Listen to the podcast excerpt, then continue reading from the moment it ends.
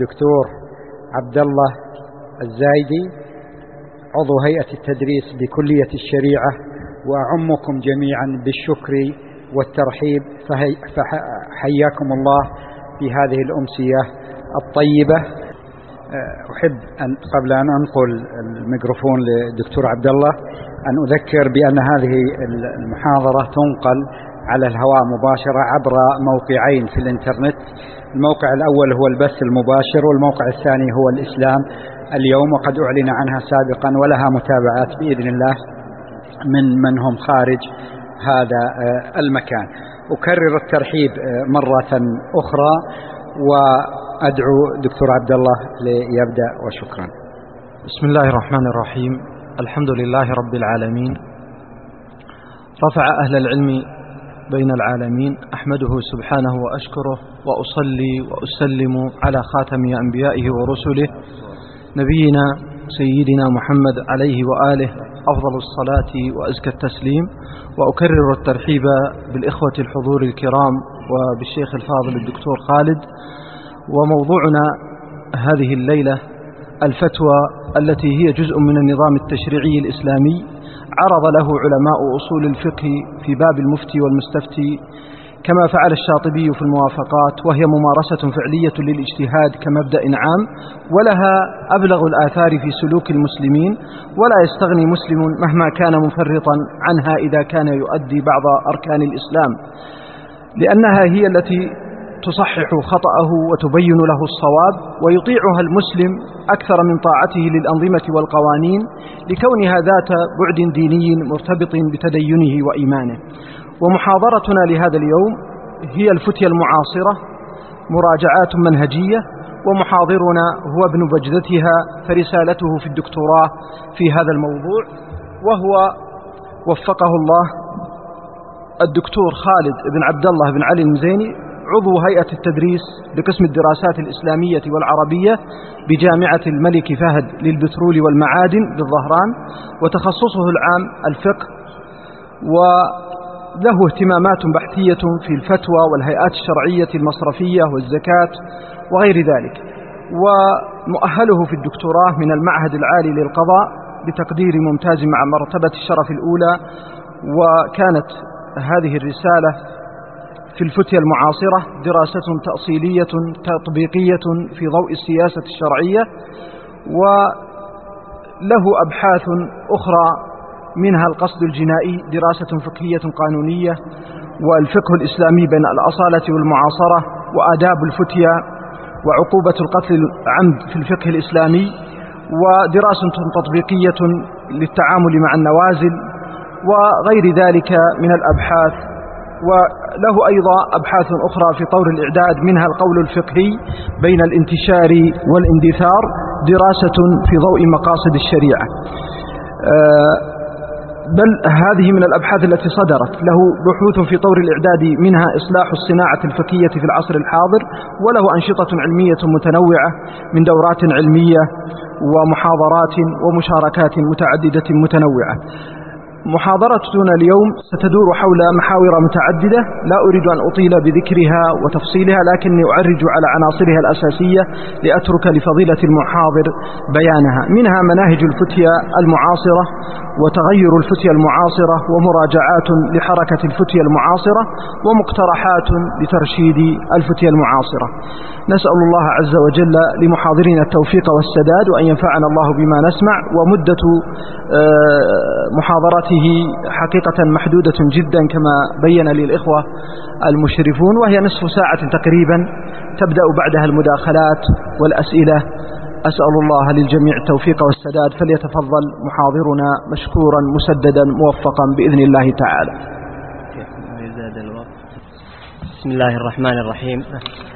الحمد لله الذي اجتبانا وما جعل علينا في الدين من حرج وبعث فينا رسولا من أنفسنا يتلو علينا آياته ويزكينا ويعلمنا الكتاب والحكمة وإن كنا من قبل لفي ضلال مبين. وصلى الله على معلم الناس ومفتي الأنام محمد بن عبد الله وعترته الطاهرين وأزواجه أمهات المؤمنين وسلم تسليما كثيرا. وعليكم أيها المؤمنون ورحمة الله وبركاته. ما در في السماء بارق وذر في الأفق شارق. في البدء أشكر القائم على هذا المجلس العامر والمحفل الغامر. وعلى سائر وأشكر أيضا أثني بالشكر لسائر الإخوة المنظمين القائمين على هذه المناسبة. والموضوع كما هو معلن الفتية المعاصرة مراجعات منهجية. وسوف أتطرق إلى هذا الموضوع بإذن الله بطريقة موضوعية متجاوزا الذاتيات والأسماء والتلوينات السائدة الإقليمية وغيرها. عائذا بالله تعالى من التكثر والتشبع وأن نتزين عند الناس بما يشيننا عنده ونتقرب إليهم بما يباعدنا منه ونعوذ بالله تعالى أن نشرك بربنا أحدا. والغاية من هذا الموضوع وسائر الأنشطة العلمية التي يجب أن يقوم بها كل مسلم آه، الغاية هي رضا الله سبحانه وتعالى والنصيحة لخلقه وإلا فما سلم أحد من أحد وعين الناقد بصيرة. قد قال الفاروق رضي الله عنه لو كان المرء أقوم من قدح لوجد له غامز وقال الشاعر وما أنت إلا ظالم وابن ظالمي لأنك من أولاد حواء وآدم. ولو كنت مثل السيف ألفيت قائلا ألا ما لهذا السيف ليس بصارم ولو كنت مثل القدح ألفيت قائلا ألا ما لهذا القدح ليس بقائم. وأبدأ هذا الموضوع باستعراض جملة يسيرة من الفتاوى الغريبة التي صدرت في أيامنا هذه. سئل أحد المفتين عن ربا الفضل فقال إنه حلال مباح وقال إنه قد أباحه سبعة عشر صحابيا. وهذا الكلام يبدو أنه من كيس هذا الرجل وإلا فإن المحفوظ عن أصحاب النبي صلى الله عليه وسلم أن ابن عمر وابن عباس وأسامة بن زيد هم الذين رجحوا جواز ربا الفضل أولا ثم حرموه ثانيا. وقد انعقد إجماع الأمة على تحريم هذا النوع من أنواع الربا وهو ربا الفضل. ولذلك مثل هذه الفتوى تصنف في عداد الفتاوى الشاذة أو قل زلة العالم. وأفتى آخر بأن فوائد البنوك حلال في حين أنه يحرم الفوائد التي يتقاضاها الإنسان في قروضه الشخصية الفردية بين الرجل والرجل. فسألته ما التوصيف الصحيح لعميل البنك في هذه الصورة؟ لما آخذ هذه الأموال وأودعها عند البنك وتقاضى عليها فوائد. هل أنا مقرض أم أنني شريك للبنك؟ فقال الشيخ لا يهم. المهم أن البنك لم يستغل حاجة الفقير. فقلت له إن هذا الكلام ليس كلاما علميا ولا يبنى عليه حكم في سائر مذاهب الفقهاء. فقال إذا نقول إنه شريك. فقلت له هل يجوز ضمان رأس المال في الشركة؟ لقد تعلمنا من الفقهاء كافة أنهم يقولون الربح على ما اصطلح والوضيعة على رب المال. ومن دفع مالا على سبيل الشراكة لا يجوز له أن يشترط ضمان المال. فأسكت ووجم ثم قلت له ماذا لو نظمت نظم ممارسة أخرى من الممارسات المحرمة ولنقل إنها الفاحشة الزينة مثلا. لو نظمت ورتبت وجعلت على أساس درست على أساس دراسات علمية وطبية. فقال إن هذا مجرد اعتراض. وهو قبل ذلك قال, قال لي قد نسيت أن أقول هذا الكلام. قال لي إن الربا الموجود في البنوك ليس ربا على الحقيقة لأنه مبني على دراسات علمية وأرقام اكتوارية يعني آه، تخصص فيها أناس يعني بذلوا أعمارهم في هذا العلم. فهي ليست من الربا الظالم المحرم. أفتى ثالث بأن المال الحلال وهذه فتية عجيبة جدا. أفتى ثالث بأن المال الحلال إذا اختلط بالمال الحرام فإنه يطهره وهذه تصلح أن تكون مستندا لما يسمى الآن بجريمة آه، غسل الأموال. أفتى رابع بإباحة التورق المصرفي المنظم بالسلع الدولية. وقد ثبت عند الثقات من العلماء المعاصرين. والمجامع الفقهية أن السلع الدولية هذه التي تسمى أي يسمى التعامل بها تورقا منظما أنها توجد في مستودعات وهذه المستودعات لا تتحرك في هذه السلع. في كثير من المستودعات لا تتحرك هذه السلع. قد قال لي أحد العلماء الثقات إنه زار مستودعا للسلع الدولية في بلد أوروبي فقال له حارس المستودع إن هذه السلع في هذا المكان لها ثلاث سنين. في حين أن البنوك آه، بمقتضى بعض الفتاوى تتداول هذه السلع على سبيل التورق المصرفي المنظم. آه، أحد المشايخ سئل عن مجموعة من الطيارين يعملون في شركة طيران عربية. وهذه الشركة آه، تشرع في طائراتها مشروعية الخمر وتديره بين الركاب على سبيل الترويج السياحي. فلما علم الطيارون بهذا الأمر يعني اجتمعوا على الاستقالة من هذه الشركة. فلما سئل هذا الشيخ فقال إن المحرم هو شرب الخمر. أما الطيار فليس له دخل في هذا وإنما عمله مجرد أكل عيش. فأتعجب كيف كان النبي صلى الله عليه وسلم يلعن حامل الخمر في الحديث الذي رواه الترمذي رحمه الله. النبي صلى الله عليه وسلم لعن رسول الله صلى الله عليه وسلم في الخمر عشرة عاصرها ومعتصرها وشاربها وحاملها والمحمولة إليه.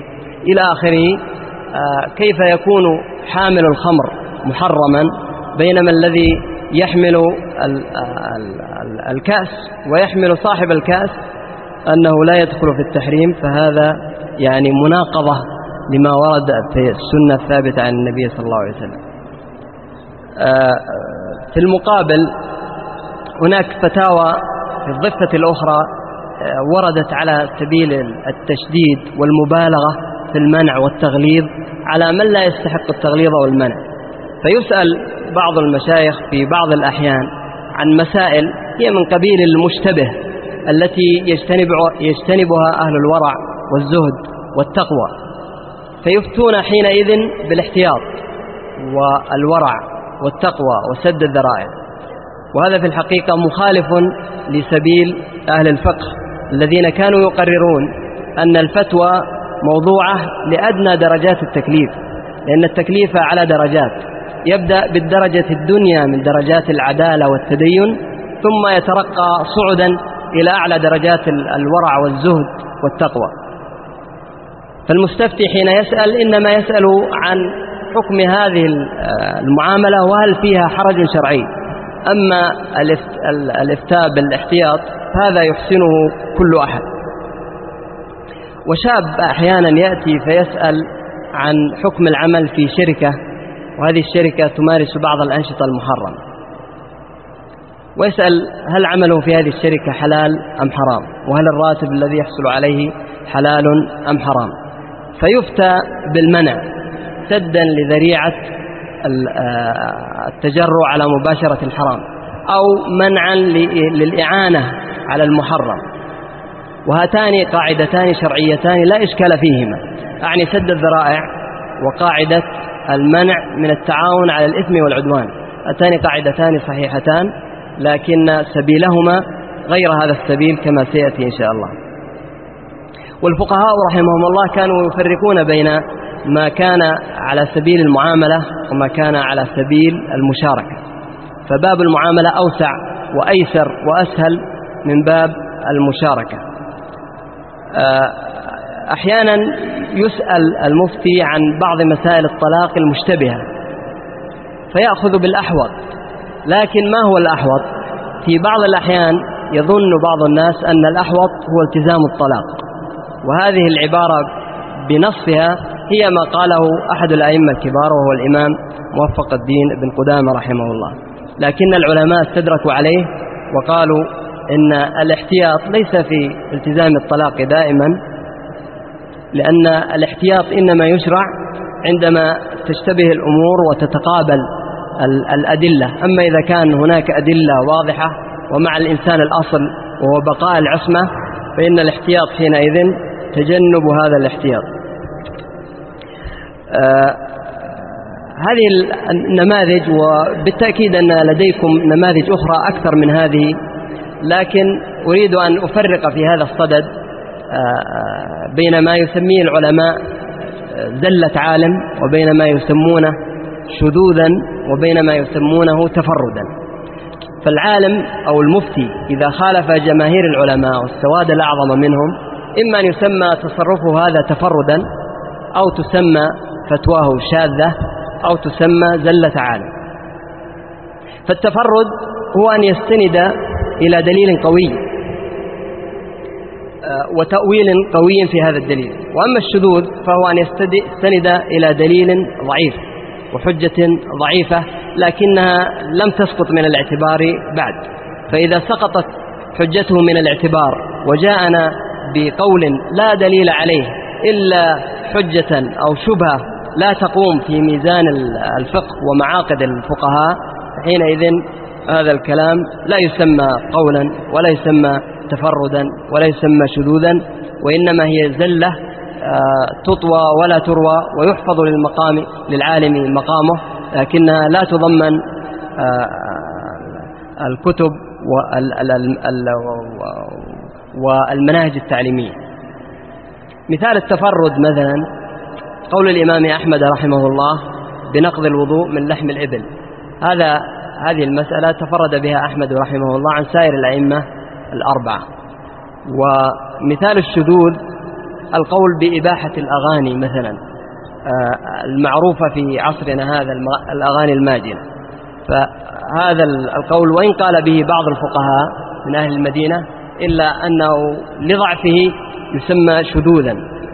وأما الزلة فمثل القول بإباحة كشف شعر المرأة شعرها أو تولية المرأة القضاء أو إباحة الفوائد المصرفية أو غيرها مما هو على سبيل آه، الأقوال الضعيفة. وأقول إن الاجتهاد له طريق واسع آه، لاحب لا يضيق بالمجتهدين. فليس صحيحا أن سبيل الاجتهاد يعني ضيق لا يسلكه إلا الواحد إثر الواحد من الفقهاء وإنما هو طريق واسع لاحب يضم كثيرا من الألوان الاجتهادية الراشدة الموجودة في القديم وفي الحديث. وفي هذا السبيل خطوط وهذه الخطوط هي الأدلة والنصوص الشرعية والقواعد المرعية. ثم إن على جنبتي هذا الطريق أرصفة وحواجز من تجاوزها صنف في عداد الشذوذ. فإن عاكس الطريق الآخر المعاكس للأدلة سميناه زلة عالم وأسقطناها من الاعتبار. هذه مقدمة وأدلف إلى الموضوع بالتصنيف الموضوعي فأقول إن الفتوى أو الفتية واللفظ الثاني وهو الفتية أفصح من الفتوى. وقد ورد في القرآن وفي السنة وفي كلام السلف لفظ الفتية بأكثر من لفظ الفتوى. وكذلك تجمع على فتاوى وفتاوي لكن الفتاوي أفصح من الفتاوى. وأما في الاصطلاح فالفتية هي الإخبار بالحكم الشرعي بدليله لمن سأل عنه بدليله حتى نسقط من الاعتبار الأقوال التي لا تستند إلى الأدلة وإنما تستند إلى الاستحسانات النفسية. ونحن في ليلتنا هذه المباركة لن نتعرض إلى الفتية القول وإنما سنتعرض إن شاء الله إلى الفتية التي هي الصنعة. وقد قال أبو عبد الله بن عتاب المالكي رحمه الله الفتية صنعة.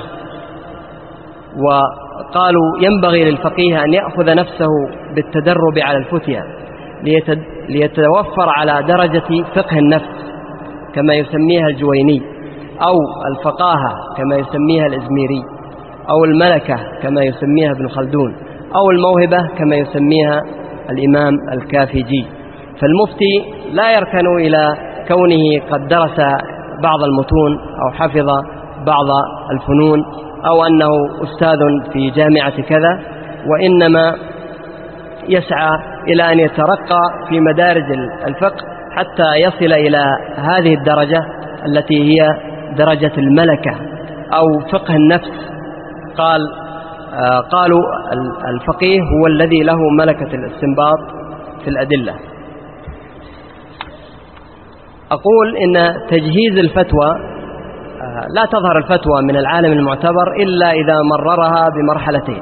المرحلة الأولى مرحلة صناعة الفتوى والثانية مرحلة سياسة الفتوى. فالمرحلة الأولى وهي صناعة الفتوى يستخدم فيها الفقيه أدلة الفقه المعتبرة آه، الأصلية وهي الكتاب والسنة والإجماع والقياس. ثم يستعمل أيضا قواعد الشريعة وكلياتها. وأما في المرحلة التالية والثانية فينظر فيها بمنظار السياسة الشرعية. وفي هذه المرحلة ينظر الفقيه إلى المصلحة والمفسدة وإلى الحاجة والضرورة وإلى الظروف والأحوال واقتضاءات الأمور وما يحتف بهذا السائل من قرائن زمانية ومكانية وحالية. وإن تجاوز الفقيه إحدى المرحلتين وقع في إعداد الشذوذ أو فقل الزل. قال ابن حيان في ترجمة الإمام ابن حزم الإمام الكبير كان فقيها معتبرا قال وأكثر معايبه جهله بسياسة العلم. قال التي هي أعوص من العلم ذاته. وكل صناعة في الدنيا لها أصولها المرجعية فلا يجوز للآخرين أن يتسوروا على سورها أو يقفزوا على حضارها. وهذه المعايير بالنسبة للفتوى هي أدلة الفقه الشرعية وأدلة السياسة الشرعية من سد الذرائع والمصلحة المرسلة والاستحسان وما إليها من الأدلة المعروفة عند علماء الأصول. والفقيه الذي يصدر الفتوى دون اعتبار لهذه الأدلة أو بما يصادمها تماما كالمهندس الذي يرسم الدائرة بيده دون استعمال للفرجار أو يرسم مستقيما طويلا دون اعتماد على المسطرة. ولهذا آه، كان من الأشياء الغريبة آه، جدا في هناك ظاهرة فقهية وظاهرة حديثية. علماء الحديث أيها الإخوة كانوا يعتنون بضبط أصول هذا العلم ومعاييره بمعايير شخصية بمعنى أنهم يحددون لنا من هو الشخص الذي يقبل حديثه؟ الشخص الذي لا يقبل حديثه بناء على معايير العدالة والضبط بالنسبة إلى كل شخص شخص. ولذلك صنفوا كتب الجرح والتعديل. أما في الفقه الإسلامي فليس لدينا كتب تسمى كتب الجرح والتعديل الفقهي. وقد تأملت هذه الظاهرة فبدأ لي والله أعلم أن الفقهاء رحمهم الله لم يكونوا يحتاجون إلى هذا التصنيف الشخصي. والسبب أن الفقه مادة موضوعية والحق يقبل من كل أحد. ما دام توفر على آه، أصول الصناعة وجاء بقول معتبر فيقبل منه كائنا من كان شافعيا أو حنفيا أو مالكيا أو حنبليا. وحينئذ إذا كان الفقهاء المحدثين يردون رواية الراوي إذا خالف رواية الشيوخ الكبار فإن الفقهاء كانوا يردون فتوى المفتي إذا خالف الأصول كالأدلة والقواعد الشرعية أو خالف جماهير الأمة وسوادها الأعظم. إما مخالفة إجماع هذا يسمى بلا شك آه، آه، فاسد الاعتبار. القول الفاسد الاعتبار هو القول المصادم للأدلة. وإما أن يكون آه، شذ منهم واحد أو اثنان فتبقى أقوالهم حينئذ في عداد الشذوذ ويشك فيها شكا منهجيا ولا تقبل حتى تمتحن بالأدلة والقواعد. أنتقل إلى الموضوع الثاني في هذه الأمسية وهو ما يتعلق بمناهج الفتوى المعاصرة ومناهج الفتية المعاصرة. هناك في واقعنا الفقهي عدة مناهج لكن يمكن أن نصنفها تصنيفا ثلاثيا. فنقول آه، المناهج ثلاثة تشدد أو تشديد بالأحرى لأنه ليس كل مشدد ليس كل من يفتي بقول بفتوى شديدة ليس بالضرورة يكون متشددا بإطلاق. فإذا أن المناهج تشديد والتساهل وتوسط. وبين التشدد والتساهل تضطرب صناعة الفتوى. فليس آه، على الفقه أضر من التشدد البالغ أو التساهل الموغل.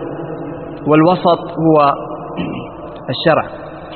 آه، العادة أيها الإخوة هذا أيضا تأمل آخر. العادة أن التشدد يقع حينما يتجاوز الفقيه قواعد الصناعة إلى آه، أن يقوم مقام المحتسب ومقام الحسبة غير مقام الفتوى. وكذلك المتساهل حينما يتجاوز المفتي مقام الفتوى إلى مقام المحامي عن المستفتي حينئذ ينقلب إلى إنسان متساهل. أما المحتسب فهو يأخذ الناس عادة بالعزيمة بعزيمة السلطة ورهبة الغلظة والعادة أنه يطلب منه حسم مادة الفساد ولذلك يميل إلى التشديد وهذا مقبول منه ولذلك يسمح له الفقهاء بأن يسد الذرائع البعيدة. أما الفقيه فلا يقبل منه هذا والأصل أن تصرف الفقيه بالفتية أن تصرفه بالفتية مبني على تلمس حكم الله عز وجل في هذه الواقعة بذاتها فينظر إلى المعطيات الموضوعية فيها من الحاجات والضرورات وما يحتف بها من قرائن الأحوال فربما يشدد لأن هذا الإنسان يستحق التشديد وربما يتسامح لأن هذا الإنسان يستحق المسامحة. وأما الآخر وهو المتساهل فالعادة أنه يتلمس من وقائع الفتوى ما يخدم ويكون في صالح المستفتي. وهذا واضح في كثير من الفتاوى التي تصدر الآن على هيئة بحوث مثل بعض الكتب التي صدرت في إباحة الأغاني المعاصرة أو إباحة حلق اللحية مثلا. واضح أن الفقيه حينما بحث هذه المسألة صار يتتبع الأدلة بنفسية المحامي الذي يريد أن يسقطها دليلا دليلا وحجة حجة. ولا شك أن مثل هذا المنهج ومنهج مستبرد في مزاج الفقهاء وكذلك التشديد البالغ ومستقبح أيضا في نظر الفقهاء والمرجع في هذين أقصد التشديد والتساهل المرجع هو أهل الاجتهاد لا غير. فأما التشديد في الفتوى فالتشديد معناه الإغلاظ والقسوة والصلابة في القول وفي الرأي. وهذا يظهر عندما يعني يطيح الفقيه بحاجات الناس وضروراتهم. قد تقع واقعة أو تنزل بالناس نازلة فيحتاج الناس إلى معاملة من المعاملات. وتكون هذه المعاملة فيها ضرب من الشبهة آه، وما إليها. فإذا كان الفقيه ينزع إلى التشدد تجده يمتنع عن الإفتاء بالإباحة ويبدأ يعني يتلوم ويتحدث عن أصول وعموميات عامة لا يخالفه فيها أحد. و آه، أما موقف الشريعة الإسلامية من التشدد فلا شك الشريعة الإسلامية مبنية على السماحة واليسر ونصوص الشريعة يعني لا تحصر في هذا الموضوع إلا بعسر شديد. يقول النبي صلى الله عليه وسلم بشروا ولا تنفروا ويسروا ولا تعسروا. والإمام النووي ينسبه بعض آه، بعض من لا يعلمون ينسبونه إلى التشدد. فله هنا كلمة جميلة جدا يقول فيها جمع النبي صلى الله عليه وسلم بين هذين اللفظين يسروا ولا تعسروا. قال ولم يقتصر على منع أو الأمر بالتيسير. قال لأن المرأة قد يفعلهما في وقتين متباينين. فلو اقتصر النبي صلى الله عليه وسلم على قوله يسروا كان يكتفي المتشدد بأن ييسر مرة واحدة ولا ييسر بعدها. فإذا قال ولا تعسروا انتفى التعسير في جميع الأحوال من جميع وجوهه. وهذا هو المطلوب. هذا كلام الإمام النووي رحمه الله. وهو يقصد أنه يجب ألا يقصد المفتي إلى التشديد. ألا يشدد قصدا يعني. وألا يتعمد التغليظ على من لا يستحقه. ورد في البخاري أن الأزرق بن قيس رحمه الله قال كنا على شاطئ نهر بالأهواز قد نضب عنه الماء فجاء أبو برزة الأسلمي رضي الله عنه على فرس فصلى وخلى فرسه فانطلقت الفرس فترك صلاته وتبعها حتى أدركها فأخذها ثم جاء فقضى صلاته. أي أنه قطع صلاته لأجل إدراك الفرس. فقال أبو قال الأزرق قال وفينا رجل له رأي يعني أنه من الخوارج أو أنه من المتشددة كما قال ابن حجر. قال فأقبل هذا الرجل المتشدد يقول انظروا إلى هذا الشيخ ترك صلاته من أجل فرس. فأقبل فقال رضي الله عنه ما عنفني أحد منذ فارقت رسول الله صلى الله عليه وسلم. ثم قال إن منزلي كان متراخيا فلو صليت وتركت فرسي لم آتي أهلي إلى الليل. وذكر أنه صحب النبي صلى الله عليه وسلم فرأى من تيسيره يعني فرأى من تيسيره الكثير. انتهى ما رواه الإمام البخاري. ولذلك قال الإمام أبو يوسف رحمه الله من الحنفية إن الصلاة تقطع لدرهم. إن الصلاة تقطع لدرهم. أخذه بعض الأصوليين من الحنفية وبنوا عليه قاعدة في جملة فروع. بنوا عليه قاعدة وهو أنه إذا تعارض أصلان أو قياسان وهذان القياسان أحدهما يحقق مصلحة دينية والآخر يحفظ على الناس مصلحة دنيوية.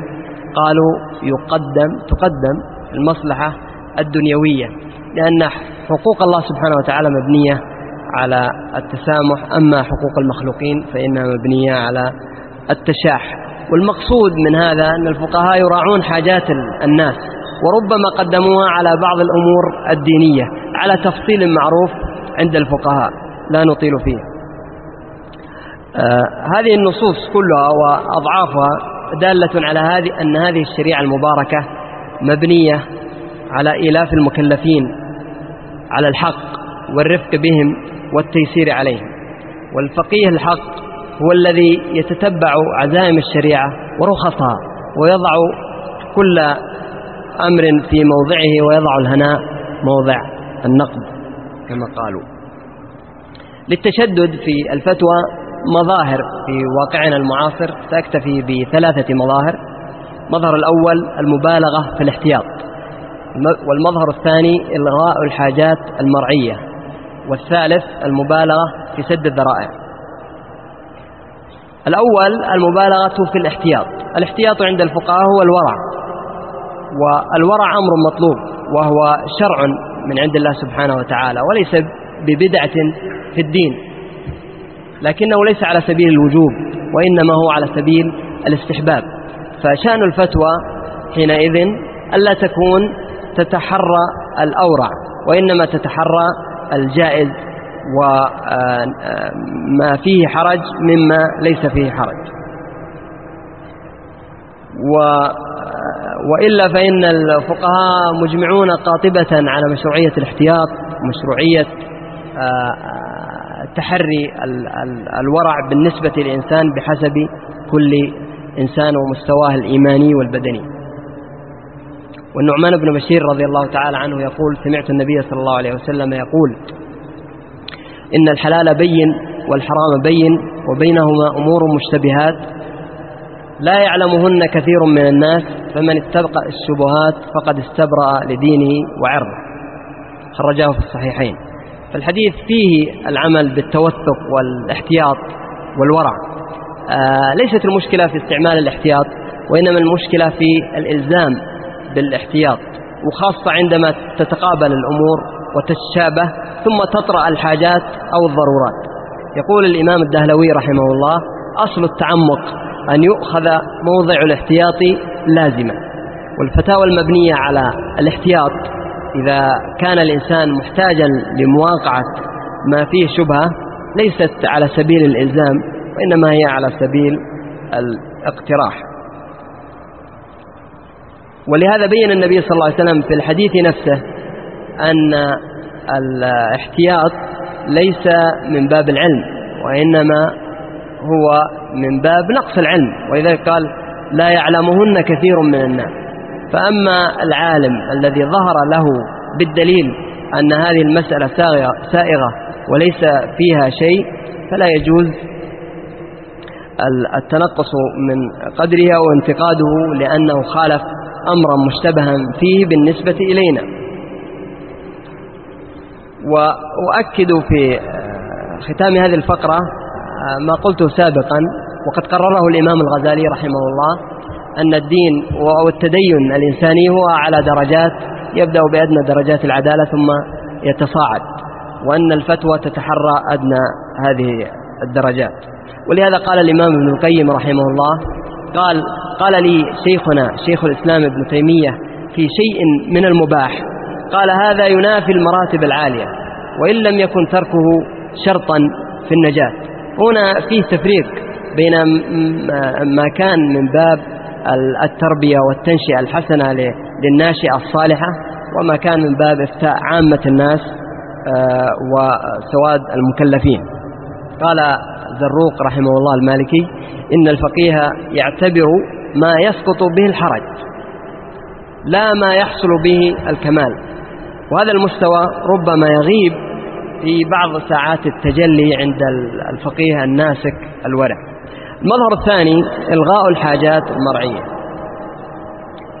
آه، جاءت أدلة كثيرة جدا في الشريعة بمراعاة الحاجات فضلا عن الضرورات. في الشريعة جاءت لتكليف الناس وإلزامهم بأمر الله سبحانه وتعالى.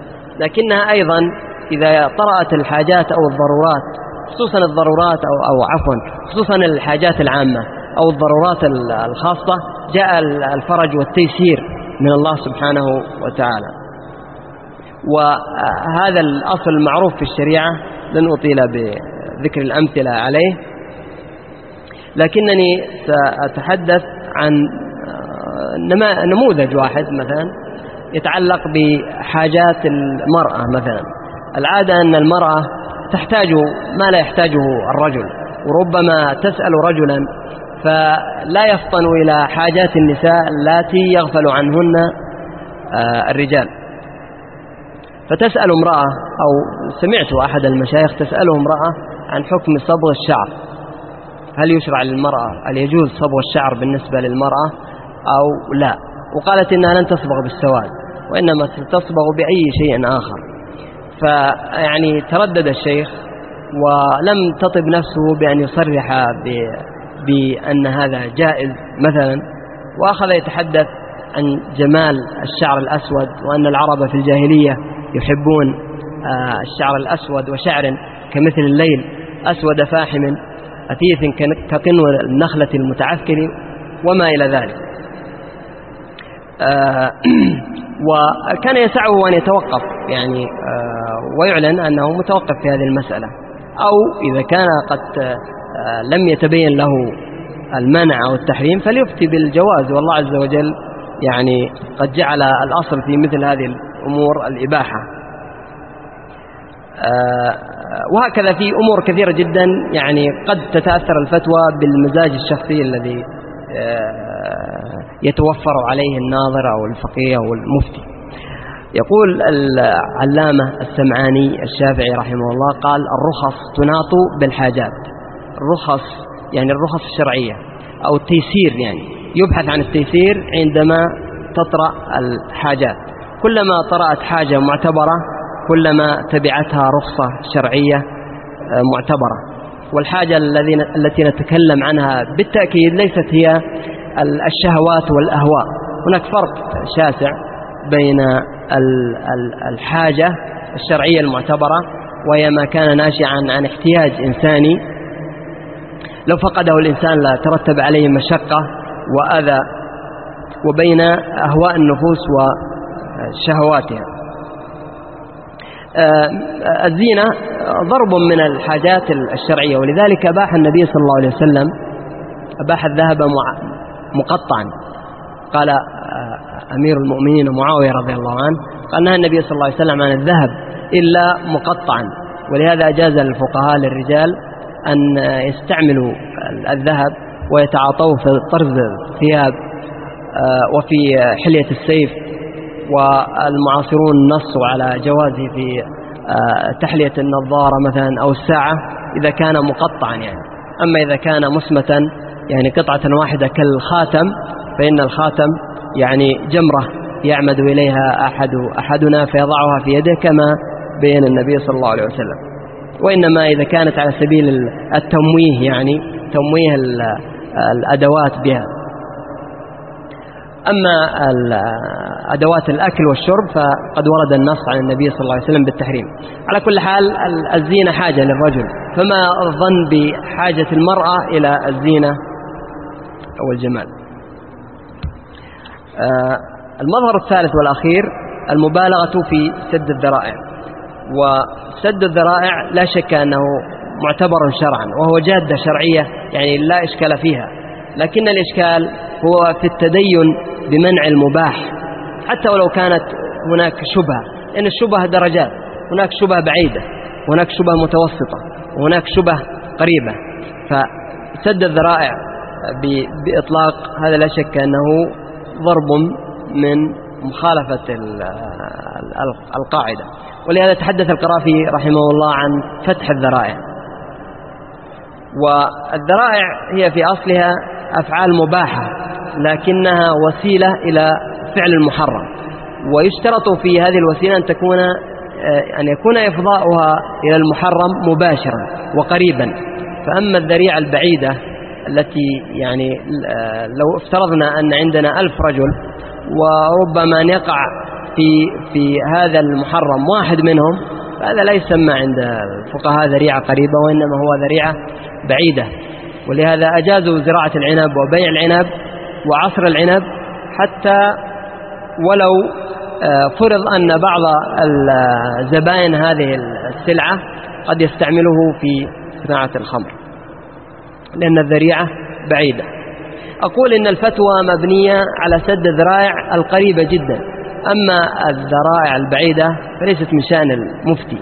لكن الفقهاء يوسعون للولاة مثلا أو لأهل الحسبة أن يسدوا الذرائع البعيدة. ولذلك تشرع بعض التصرفات العامة التي هي كالتنظيم. فتمنع بعض المباحات لأنها تفضي إفضاء قريبا أو نحو ذلك.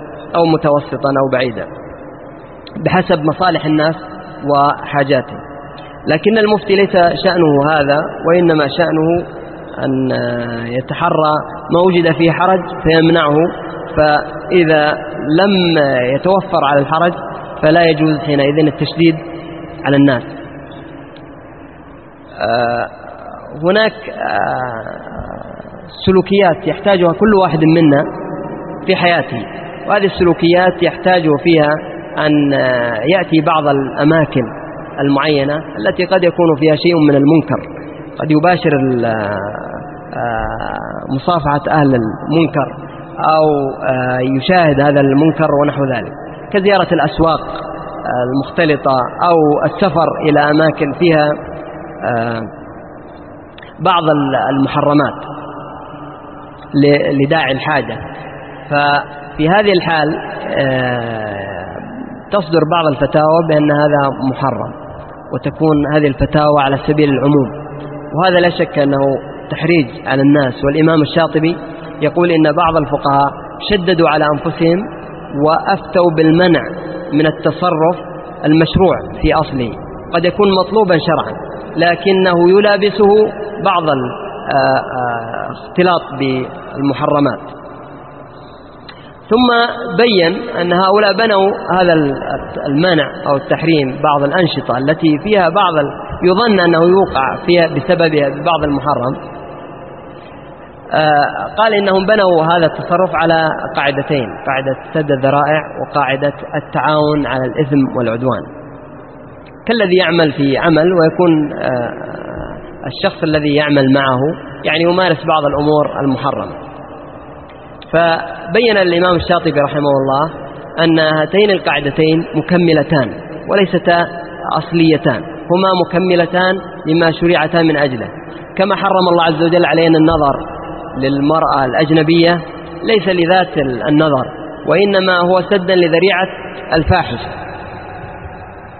فإذا قطعنا أنه لا توجد فاحشة بل توجد مصلحة من النظر كما في حال الخاطب أو حال الطبيب حينئذ لا يجوز سد الذريعة وإنما الواجب فتحها بهذا القدر. ولهذا قال الإمام ابن عبد السلام العز بن عبد السلام قال قد تجوز المعاونة على الإثم والعدوان. لا من جهة كونه إثما وعدوانا بل لتحصيل هذه المصلحة. ومثل بافتكاك الأسرى. نحن ندفع الأموال للكفار لنفتك بهذا المال الأسرى. مع أننا ندفع مالا محرما قبضه على هؤلاء الكافرين. ثم قال أن التحقيق في هذا أن هذا ليس من باب التعاون على الإثم والعدوان بل هو يعني تحقيق لمصلحة شرعية معتبرة. الخلاصة أن التشدد سوف يحصل حينما نبالغ في سد الذريعة والحال أن الذريعة ليست بقريبة. ويقابلها في الجانب الآخر حاجة معتبرة لإنسان محتاج. المنهج الثاني منهج التساهل في الفتوى. والمقصود هنا بهذا المنهج الإفتاء بالأسهل على الدوام. حتى ولو قويت الشبهات كانت الذرائع المفضية إلى الفساد قريبة. تجد أن بعض المفتين يعني آه، يتهور ويفتي ببعض الفتاوى التي تفتح على الناس باب شر. ولا شك أن هذا يعني آه، آه، ليس من الفقه بسبيل. هناك مظاهر للتساهل.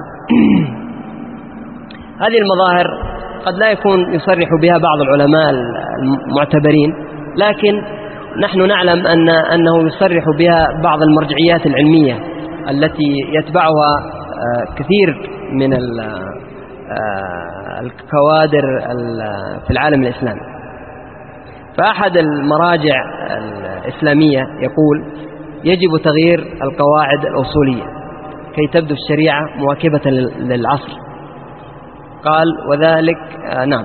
قال حتى وإن أدى ذلك إلى تجاوز النصوص القطعية. هكذا قال حتى ولو تجاوزنا النصوص القطعية تحقيقا للمقاصد. فهذا غريب يعني. إذا تجاوزنا النصوص القطعية فلا بقاء للمقاصد الشرعية. وقالوا أيضا يجب تغيير القواعد الأصولية باعتماد الحكمة الشرعية بدلا من العلة. وبهذا نسقط كثير من الأحكام الشرعية ونواكب العصر الحاضر. وقالوا أيضا يجب أن ندير الحكم الشرعي على المصلحة. فأينما حلت المصلحة فثم شرع الله. وهكذا في مصادرات للعقل الفقهي غريبة جدا. هنا مشكلة وهي عقد الخصومة بين النص الشرعي أو القاعدة الشرعية وبين مصلحة الناس وحاجتهم.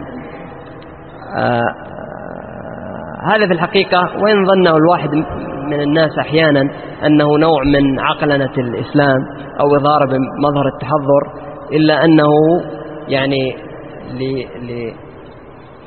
لمن يدرس المعايير الشرعية هو بلا شك تغييب لهذه المعايير التي استقيناها من الوحي المنزل. و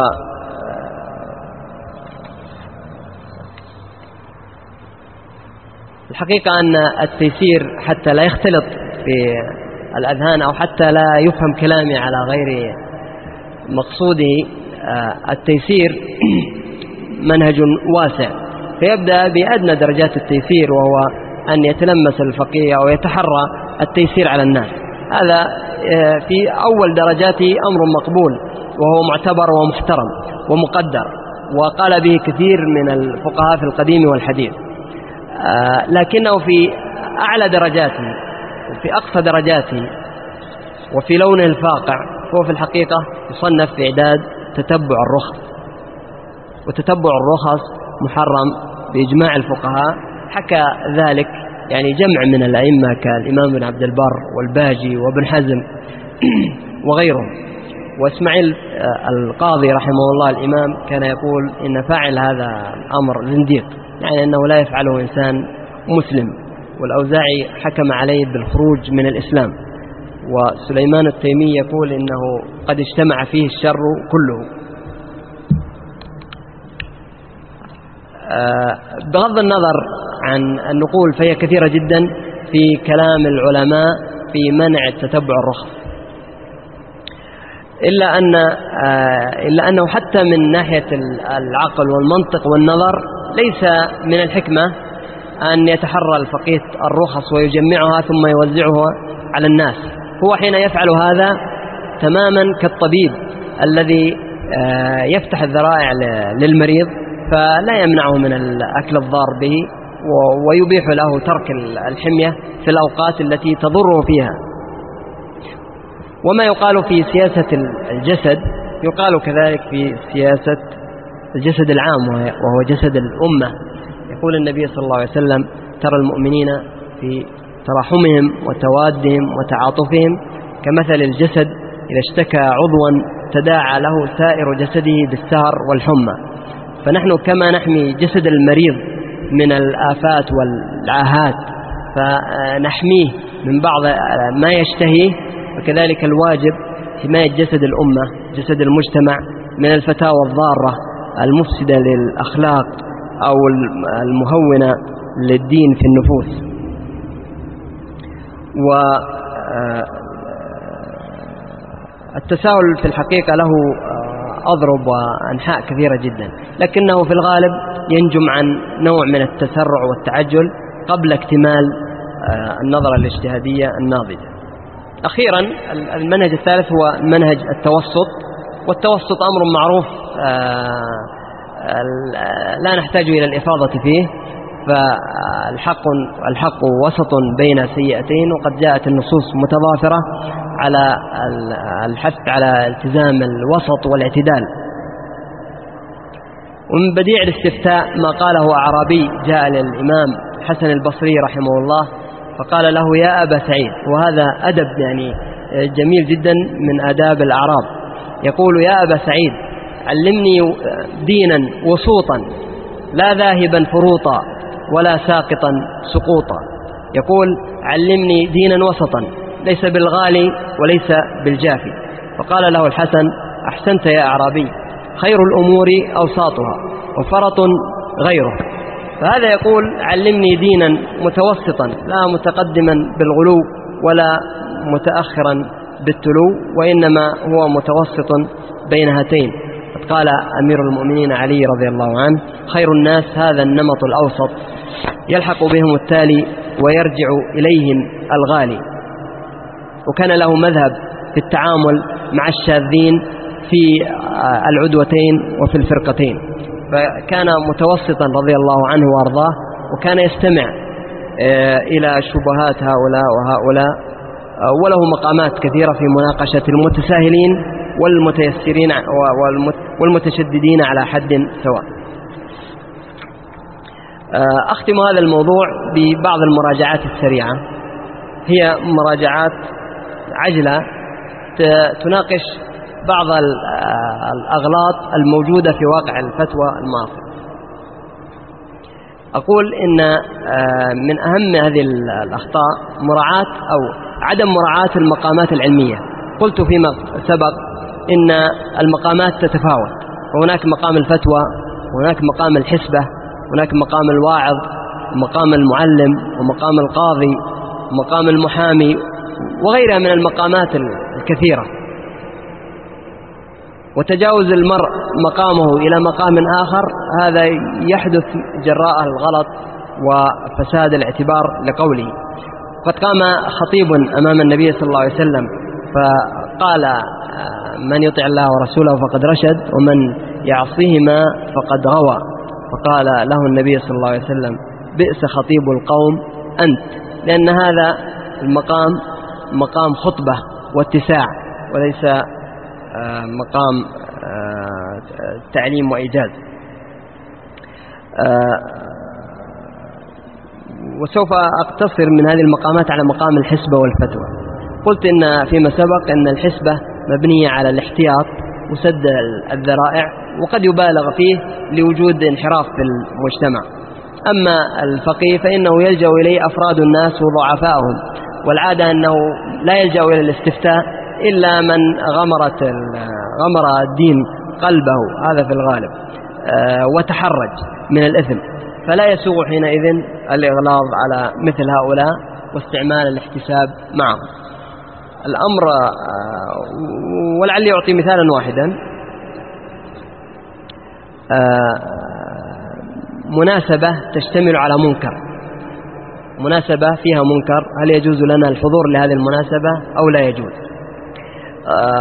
النظر الاحتسابي وهو نظر معتبر شرعا بالتأكيد والحسبة لها أهميتها حتى لا يفهم أن الحسبة يعني مقام آه، غير شرعي بل هو مقام شرعي معتبر بل هو صمام أمان وهي ضمانة للدولة وليست عبئا عبئا عليها. فالواجب على أي ولي وأي سلطان أن يفتح قنوات الاحتساب على أهل الفساد. لكن هذا لون والفتوى لون آخر. سئل الإمام أحمد رحمه الله عن شخص يريد أن يحضر جنازة وهذه الجنازة فيها منكر. فقال الإمام أحمد إنه له أن يحضر ولا يرجع عن الجنازة. ثم سئل مرة أخرى عن وليمة عرس وفيها منكر. هل يحضر؟ قال الإمام إنه لا يحضر. وقال ابن القيم رحمه الله قال سألت شيخنا شيخ الإسلام عن الفرق بينهما قال لأن الحق في الجنازة للميت والميت قد ذهب وهذا الذي قد تلبس بالمنكر يعني ليس له الحق في هذه المناسبة ولذلك لا ترجع عن هذا هذه المناسبة. وأما في الوليمة فإن صاحب الوليمة هو الذي شرع هذا المنكر أو أقره وبالتالي سقط حقه من الاعتبار. بهذا يفرقون بين هذه المقامات مقام الاحتساب العام وبين مقام الإفتاء والترجيح الفقهي. الثانية المراجعة الثانية الاعتدال في إعمال القواعد السياسية. بقي خمس دقائق طيب. المراجعة الثانية الاعتدال في إعمال القواعد السياسية. وبالأخص قواعد أمثال سد الذرائع أو الاحتياط مثلا أو الاستحسان أو نحوها من الأدلة المبنية على الموازنة. آه، ابن خلدون رحمه الله له عبارة رائعة يقول فيها فصل في أن إرهاف الحد مضر بالملك يعني أن التشديد في القوانين يضر بالدولة. فأقول إن هذا صحيح آه، فقها أيضا. فالتشديد على الناس وإرهاف الحد عليهم هو ضار بهم كذلك. فيوشك الإنسان المرء الذي يستفتيك في مسألة من المسائل يحتاج إليها وليس عندك دليل واضح على التحريم. يوشك إذا أفتيته بالتحريم أن ينقطع في واقع المحرم الصريح. آه، ولهذا قال الفقهاء إن المقصد الشرعي إذا تحقق تخف يخف النهي. إذا كان النهي موضوعا لسد الذريعة.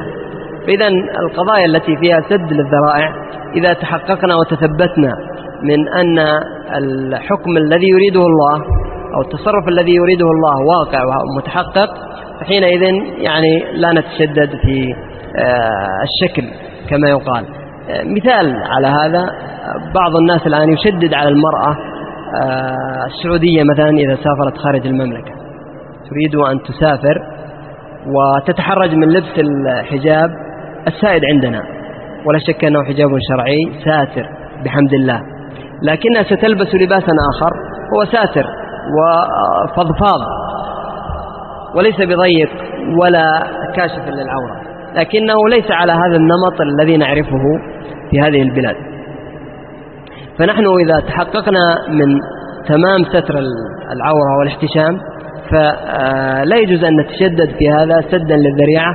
قد وقع من بعض النساء يعني تساهل كبير بسبب بعض هذه السدودات. المراجعة الثالثة طي الأقوال المفضية للفساد. هناك أقوال راجحة عند الفقهاء لكنها مرجوحة في العمل. بمعنى أن الفقهاء لا يفتون بها. وهذه موجودة في كثير من الكتب الفقهية. يقولون الراجح كذا الصحيح في المذهب كذا لكنه لا يفتى به. فعندهم أنه لا تلازم بين الراجح وبين المفتى به. ولهم ألفاظ كثيرة في هذا. آه، يقول أو تعطي نماذج ثلاثة نماذج أو أربعة. الإمام الشافعي دقيقة. يقول الإمام الشافعي رحمه الله إن الأجير المشترك لا يضمن لكنه لم يكن يفتي به علماء الشافعية لأن الفساد قد وقع آه، في الواقع. أيضا استبدال الوقت كان الإمام أبو يوسف يرى أنه يجوز استبدال الوقت يعني إذا تعطل الوقت أو ضعفت آه، ضعف ريعه يمكن أن ينقل إلى مكان آخر. قال علماء الحنفية كصدر الشريعة وغيره قالوا إن هذه الفتوى لا يفتى بها لكثرة الفساد عند القضاة في زمنهم. وسئل الإمام أحمد عمن حلف أن يمشي إلى بيت الله الحرام. آه، حلف أن يمشي إلى بيت الله الحرام. هل يلزمه أن يمشي أو يكفر كفارة يمين؟ فقال الإمام أحمد لا أفتي بشيء. فقال له ابنه صالح فإلى أي شيء ذهبت قال أذهب إلى أن عليه كفارة يمين. قال ما منعك أن تفتي بهذا؟ قال إن الناس قد لهجوا به يعني تساهلوا في الأيمان. آه أخيرا آه هذه من المراجعات العامة صيانة الفتوى عن الابتذال. الفتوى مقام عظيم شرعي عظمه الله سبحانه وتعالى وتصدى له تعالى بذاته العلية. وقال تعالى يستفتونك قل الله يفتيكم. وتصدر له سيد ولد آدم عليه السلام وسادة هذه الأمة. فلا يليق آه، بالفتوى أن تمتهن فتوضع في آه، مجال تسويق تجاري تسويق تسويق منتج يعني آه، تجاري أو مصرفي أو غير ذلك. وهذا قد وقع قديما وحديثا واستدركه العلماء. أسأل الله تعالى بأسمائه الحسنى وصفاته العلى أن ينفعنا بما علمنا وأن يعلمنا ما ينفعنا. وأشكركم شكرا حارا جزيلا على حسن الاستماع والإنصات. والله تعالى أعلم. وصلوات الله وسلامه على نبينا محمد. شكر الله لفضيلة محاضرنا الدكتور خالد المزيني. هذه هذا التناول للفتية المعاصرة بمناهجها الثلاثة منهج التيسير والتساهل والتوسط. وهذه الإطلالة السريعة على مراجعات عامة حول الفتوى. وأسأل الله عز وجل أن يوفقه وينفع به. وصلت بعض طلبات المداخلة ووصلت بعض الأسئلة وسأراوح بينها. فنبدأ بالأستاذ الدكتور عياض السلمي أستاذ أصول الفقه والدراسات العليا بجامعة الإمام فليتفضل بمداخلته.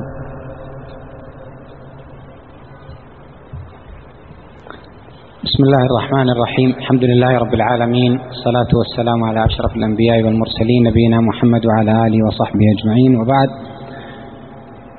نشكر مضيفنا الأستاذ الدكتور عبد العزيز العمري صاحب هذا المنتدى ونشكر محاضرنا والمقدم وجميع من أسهم في إقامة هذه الأمسية.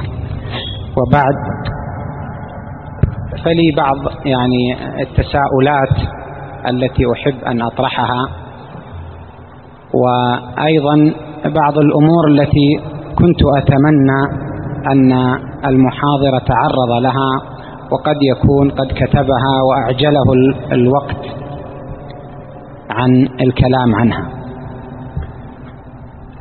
فيما يتعلق بمسألة انقسام مناهج الفتوى إلى هذه الثلاثة هذا أمر لا ينازع فيه. لكن الإشكال كل يرمي بالتشدد أو التساهل صاحبه. فنحتاج إلى ميزان عادل نرجع إليه. يعني ال ال الذي يتمسك بالسنة يتهم بأنه متشدد. والذي يتمسك بمصالح الناس وينظر إلى يعني حاجاتهم ويراعيها أيضا قد يتهم بالتساؤل من الطرف الآخر. فهذا الكلام يعني نسمعه كثيرا ولكن نحتاج إلى أمر يضبطه. فأتمنى من المحاضر أن يعني يذكر شيئا في ضبط هذا الأمر إذا كان ممكن. آه، نقطة أخرى وهي ما يتعلق ب آه، يعني من الذي يحق له الفتوى. هذه المسألة الحقيقة هو لم يعني لم أسمع إثارة لها مع أنها هي أساس الإشكال الحقيقة. من هو المؤهل للفتيان؟ وكيف نعرف نحن السائلين أن هذا أهل للفتية هذه المسألة مر عليها الأصوليون المتقدمون مرور الكرام ولم يتوقفوا عندها طويلا وأحسب السبب في ذلك راجعا إلى أنهم كانوا يتركون العالم إلى ورعه ويكلونه إلى تدينه. فقالوا هذه الشروط العامة تذكر ويوكل أمر تحققها إلى العالم نفسه. إن رأيت أنك قد تحققت فيك هذه الشروط فتقدم للفتية وإن رأيت أنك لا تصل إلى هذه المرتبة فالرجوع ترك هذا الميدان لغيرك أولى. فلما لم توجد يعني قواعد واضحة لتحديد من هو الذي هو أهل للفتية والذي ليس أهلا آه، سوى الشروط الكثيرة التي لو طبقت على كثير من الأئمة الكبار ما انطبقت عليهم. لما وجد مثل هذا رأينا كثيرا من الصالحين والعلماء المتمكنين يحجم عن الفتية. ورأينا من تهور وأقدم عليها وهو ليس أهلا. فنحن يعني في هذه المشكلة تحتاج إلى علاج عصري. وجد عند بعض علماء الوصول كلاما عن يعني كيف يعرف العامي أن هذا مفتي وذكروا عدة أمور آه، الشهادة والاختبار إلى درجة أنهم قالوا ينبغي للمقلد أو للمستفتي أن آه، يعني يختبر المفتي وهذا لا شك أنه فيه سوء أدب معه لكن ألا يمكن أن نحور مثل الأمور إلى يعني أمور عصرية آه، أن تخصص درجة علمية للفتية مثلا وتتبناها بعض الدول التي يعني تعنى بهذا المقام أو تعنى آه، يعني المجامع الفقهية بتحديد آه، يعني طريقة خاصة من هو الذي يحق له الفتية؟ فنحن الآن لا شك نعيش في فوضى. فلعل المحاضر أيضا يذكر لنا شيئا من هذا. المسألة الثالثة آه، ذكر حفظه الله أن بعض أصولي الحنفية هذه قد تكون يعني تفيدني شخصيا ذكر أن بعض أصوليي الحنفية قالوا تقدم المصلحة الدنيوية على المصلحة الدينية. وأنا أرجو أن يفيدني بالمرجع لأنني يعني أرى أنه إذا كان المنطلق هو أن حقوق العباد مبناها على التسامح حقوق ليس هذا لا يعطي نفس المعنى. إذا كان المقصود تقديم حقوق العباد على حقوق آه، الله جل وعلا عند التزاحم آه، فهذه القاعدة. لا تعطي نفس القاعدة التي ذكرها فضيلة المحاضر وهو تقديم المصلحة الدنيوية على المصلحة آه، الدينية. هذه بعض يعني الأمور التي أيضا نقطة أخرى أخيرة ذكرها وكررها في محاضرة سبقت حضرتها وكنت أريد أن أستجلي الخبر منه فحيل بيني وبينه. وهي أنه يقول إن بعض العلماء قالوا بتقديم أو بالفتوى بالمرجوح وترك الراجح. وفي تقديري أن هذا في الفقه المذهبي فيفرق بين المفتي المذهبي الذي لا يخرج عن مذهب إمامه وبين المفتي المجتهد المطلق.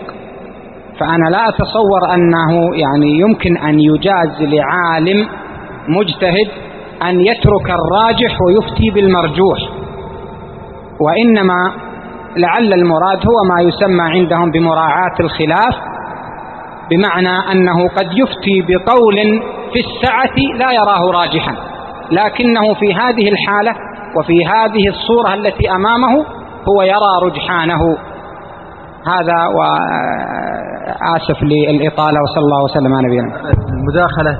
يفترض أن تكون دقيقتين لكن لما قلت هذا الكلام الذي خشينا أنك بعد تقول حلته بيني وبينه فجعلناك تكمل لكن بقية الإخوة الراغبين في المداخلة يرجى أن لا تزيد على دقيقتين. ثم بعض الأسئلة سؤال يعني عارض وسريعة الإجابة عليه؟ أحد الإخوة يسأل عن رسالة الدكتوراه هل هي مطبوعة أو سوف تطبع؟ ما طبعت في طور الطباعة. في طور الطباعة. طيب.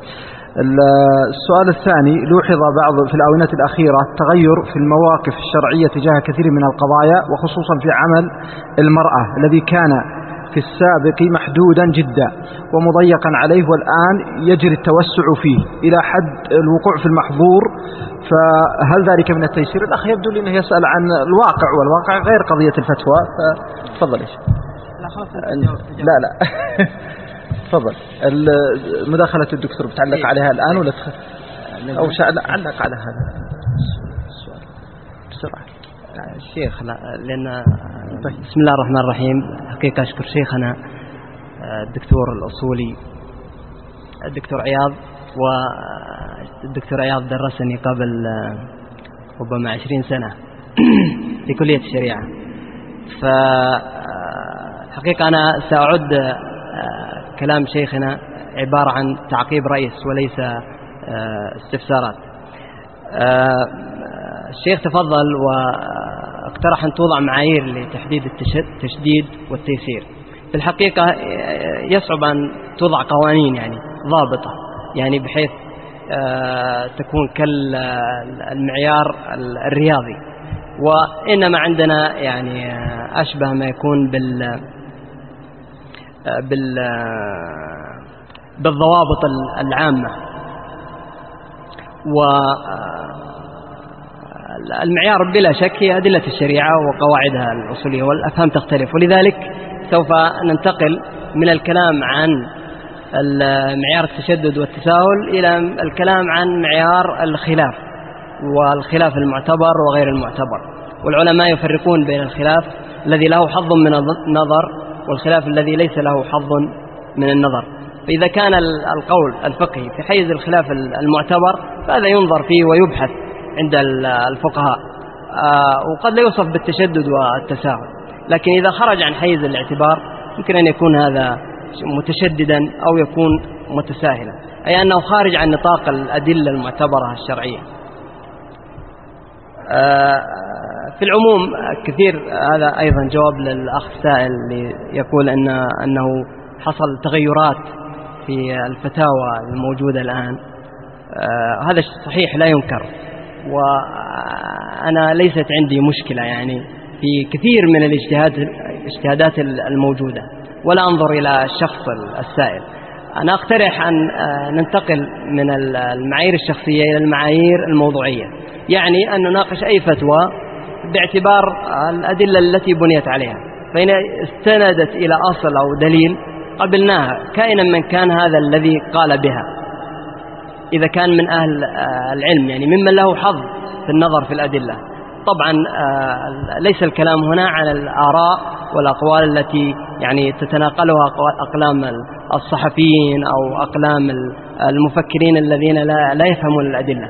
الكلام عمن اشتغل بالعلوم الشرعية وصار مرجعا يستفتيه الناس. فهذا الأفضل أن, أن لا ننشغل ب يعني الحكم عليه هل هو مؤهل للفتوى أو ليس بمؤهل. هناك آه، بعض الناس يتصدرون مؤسسات دينية كبرى في بعض الدول. ومعروف أنهم ليسوا من آه، دول بعيدة. ليسوا من أهل التخصص الفقهي الخاص. آه، بعضهم اقترح بعض المعايير. مثلا أنا كلمت شخص فقال من المعايير أن يكون حاصلا على شهادة الدكتوراه في الشريعة من الأزهر. هذا معيار مثلا وضع طبعا. آه الغريب أن هذا الشخص الذي يتكلم نفسه يعني ليس حاصلا ويفتي ويؤلف الكتب وينتقد العلماء. آه الأمر الثاني مسألة المصلحة آه، الشرعية. يعني آه، هو الكلام آه، في مسألة تقديم المصلحة الدنيوية على المصلحة الدينية ليس على إطلاقه المصلحة الدينية إذا كانت مبنية على الدليل فهذا أمر. لكنهم يتكلمون عن مصلحتان تعارضتا وتقابلتا وهما مبنيتان على قياسان آه، شرعيان. فحينئذ اختلف الأصوليون فبعضهم قال تقدم المصلحة الدينية آه، وهذا قال به كثير من علماء الأصول وبعضهم قال تقدم المصلحة الدنيوية. وابن أمير الحاج حرر هذه المسألة تكلم عنها في التيسير والتحرير. ونقل عن الإمام أبي يوسف رحمه الله أنه قال إن الصلاة تقطع لدينار. ولذلك بني عليها كثير من المسائل. مثلا لو أن إنسانا مات وعليه زكاة وعليه دين. أيهما يقدم؟ يقدم الزكاة تخرج. الزكاة أولا أو الدين أولا عند التشاح يعني. هذه مبنية على تقديم المصلحة الدينية أو المصلحة الدنيوية. الفتوى بالراجح والمرجوح. حقيقة كلام الشيخ دقيق جدا وأنا أشكره على هذا وأنا أعده إن شاء الله أن أحرر المسألة. لكن بكل حال جميع الفقهاء الذين يمارسون الفتوى تجده إذا نظر يتحدث بترجيحات معينة.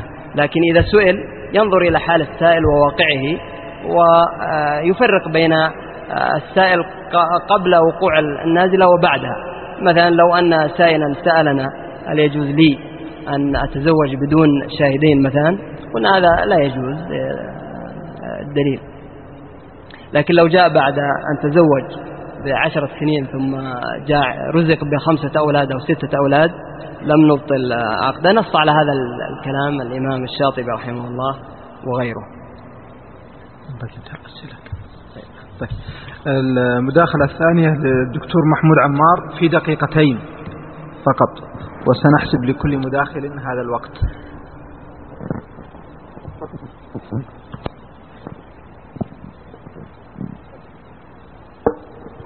بسم الله الرحمن الرحيم أحمد الله وأصلي وأسلم على رسول الله وعلى آله وصحبه ومن والاه. وأتوجه بالشكر لصاحب هذا المنتدى سعادة الأستاذ الدكتور عبد العزيز العمري وأبدي إعجابي بموضوعية البحث الذي الأستاذ الدكتور خالد المزيني وهذه المنهجية التي اتسم بها البحث وعلى حسن الإدارة التي قام بها الدكتور عبد الله. ولا شك أنني في بداية الأمر قد انجذبت كثيرا إلى هذه المحاضرة التي انتقلت من عناصر الشبهات وتحليل الفتوى أو الفتية إلى النتائج التي توصل إليها الباحث. وإن كان في نهاية المحاضرة قد اختلطت كثير من الأمور فأشعرنا بقليل من التداخل في عرض التساهل والتشدد والتوسط. في الأنواع التي عرضها سعادة المحاضر من حيث الخروج على الإجماع صنف ثلاثة أصناف التفرد والشذوذ وزلة العالم. وأنا أظن أن التفرد الذي يقوم على الدليل وقد ضرب له مثالا بمذهب الإمام أحمد بوجوب الوضوء لمن أكل لحم الإبل هو باب الاجتهاد في حد ذاته. وأننا لو قفلنا هذا التفرد الذي يأتي بالدليل لقفل باب الاجتهاد على الكلية ودائما الاجتهادات تبدأ متفردة ثم يتكاثر أصحابها حتى إنهم يقولون في علم الاجتماع إن سلوكيات الناس تخضع أو تتوزع بين العموميات والخصوصيات والبدائل. البدائل تبدو ضعيفة أو فردية ثم ما تلبث أن تتكاثر وتتزايد. فلما نتيح النظر لهذا المتفرد الذي يملك الدليل وليستمع إلى قوله فإن الزمن كفيل بأن يتيح لرأيه أن يقوى وأن يشتد. وهذا هو الواقع الذي نشاهده في حياتنا الاجتماعية. فإن كثيرا من الأمور التي نمارسها اليوم كانت قبل عشرين أو ثلاثين عاما ممنوعة أو محرمة. النظر إلى التلفزيون على سبيل المثال الحديث إلى الميكروفون في الميكروفون. الحديث عن إذاعة القرآن الكريم من خلال الأدوات الصماء كان بعض الناس يفتون بحرمتها. هذه الآراء كلها قد تغيرت. سأختصر وأختصر أيضا. أيضا النظر إلى أقوال العلماء السابقين. نحن نجل السلف لا شك لكن أقوال السلف. إما أن تكون مستمدة من الكتاب والسنة وهذه لا مندوحة للخروج عنها لأنها قائمة على الدليل. وهناك من أقوال السلف ما كان يعتمد على الحياة الاجتماعية وعلى متطلبات العصر والبيئة. ونحن نعيش في عصر غير ذلك العصر. فأقوال السلف إذا محددة بما جاء في الكتاب والسنة. أما ما كان مخاضعا وهو كثير إذا ننظر في أقوال محمد بن الحسن الشيباني على سبيل المثال فقد خالف أبا حنيفة وأبو يوسف في والمذاهب تتخالف في لمس الذكر في آه، المني في الزواج بلا آه، بلا بلا ولي بلا ولي أقوال كثيرة. فهذه الأقوال يجب أن تتاح لها الفرصة لإقامة الدليل ثم بعد ذلك نوازن بينها. السؤال الذي في ذهني بارك الله فيك هو ما الفرق بين الربا كما تفضلت وربا الفضل وربا النسيئة فما الفرق بين ربا النسيئة والبيع بالتقسيط في زماننا هذا وأرد أيضا الدكتور مع حرصه على الموازنة إلا أنه قفز متعمدا عن حديث الرسول صلى الله عليه وسلم ما خير, ما خير رسول الله صلى الله عليه وسلم بين أمرين إلا اختار أيسرهما وشكرا لك.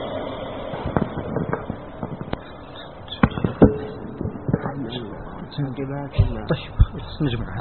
طيب اختصارا الوقت نجمع التعقيبات ونطرح بعض الأسئلة.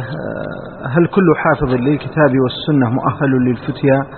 وهل هناك مفتون من علماء الشريعة ليسوا آه، بحفاظ أو يحفظون فقط أجزاء من القرآن والسنة؟ نرى الكثير من الفتاوى يعني نرى الكثير من يفتون وإن كان في فتاواهم خطأ. فإذا قيل لهم ذلك قالوا إنهم مجتهدين أو إنه هذا الفقيه مجتهد في, في له كل الحالتين. وقد نرى اتباعا للأخذ بهذه الفتاوى من, من كثير من الناس مع أن أصحابها مخطئون. تجيب على السؤال كلها طيب. آه إذا هناك تعقيب من فضيلة الدكتور عبد الله بوكيل الشيخ أستاذ الحديث وعلومه في كلية أصول الدين في جامعة الإمام. تفضل يا دكتور.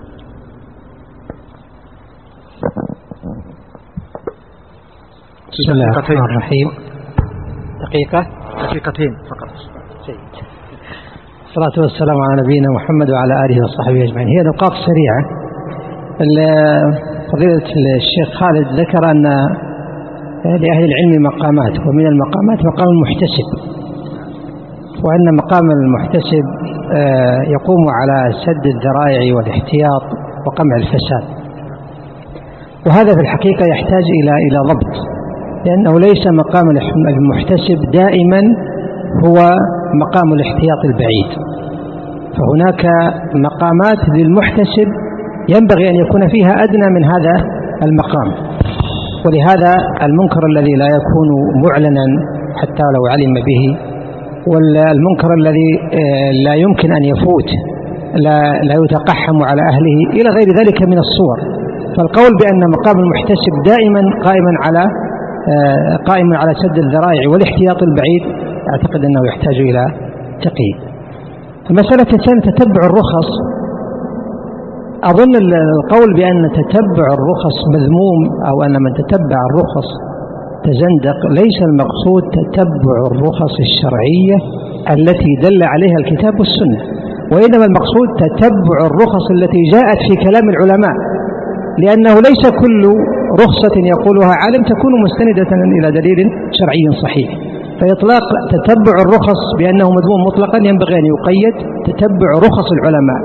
أما تتبع الرخص الشرعية الثابتة فهذا لا محذور فيه بل هو محمود. الأمر الثالث قد يقع نزاع في آه، قد ذكرتم أن من موجبات التسهيل معرفة حاجات الناس. وهذه إشكالية في أنه قد تخفى هذه الحاجات عند بعض من يعارض في فتوى أو في حكم معين. فنظرا لخفاء هذه الحاجة عنده يرى أنه لا حاجة ولهذا ينبغي أن يسلك مسلك يعرف به مقدار معرفة من بنى هذا للحاجة التي بنى عليها هذا الحكم. آه، اقتراح أخير. نحن لماذا في الدراسات الشرعية؟ لو تكرمت شيخ أقول آه، قد يقع النزاع في أن أنه ليس هناك حاجة شرعية. تقتضي هذا التسهيل الذي سهل به من من رعى هذه الحاجة الشرعية. فأنتم تقترحون ماذا؟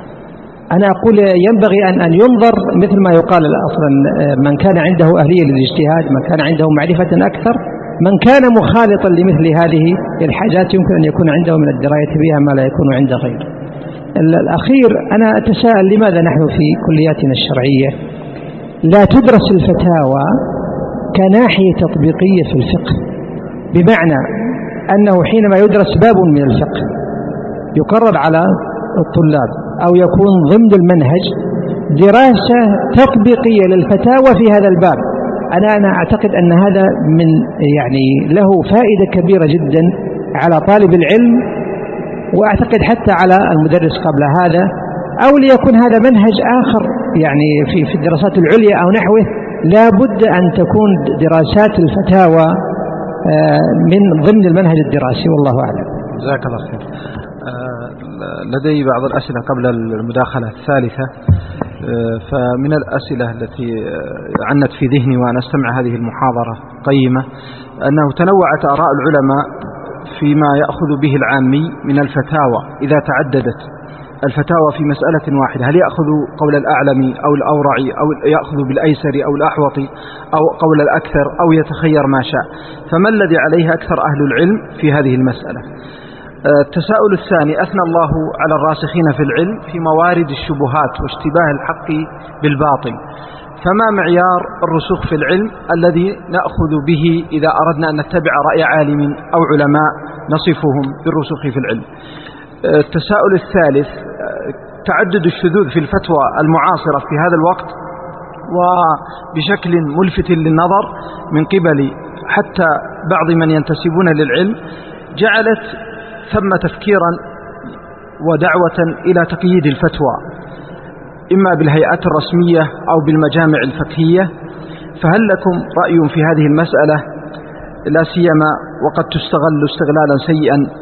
أحيانا من السلطات السياسية فتضر أكثر مما تنفع.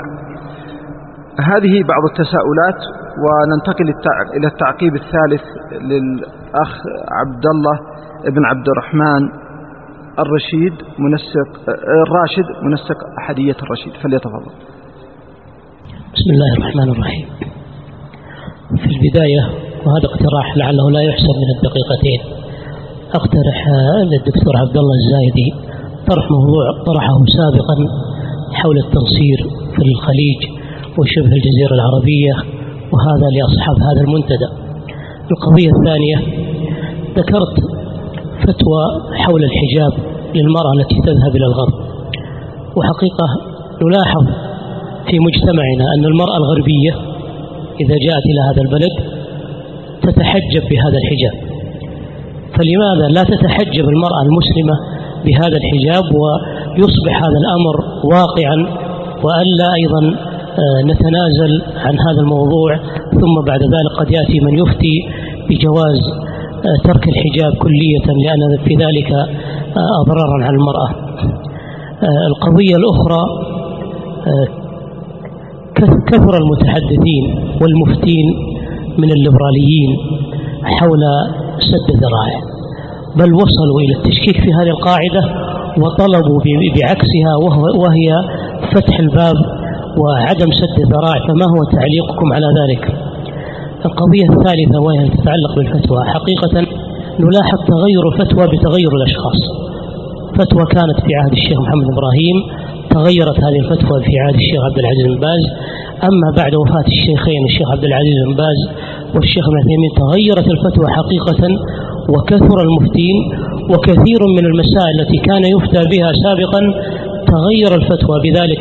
ما هو السر في ذلك؟ هل هناك تغير في الزمن أم تغير في الأشخاص؟ أم أن هناك أمرا آخر؟ آه، لا نعرف في ذلك. جزاك الله خير.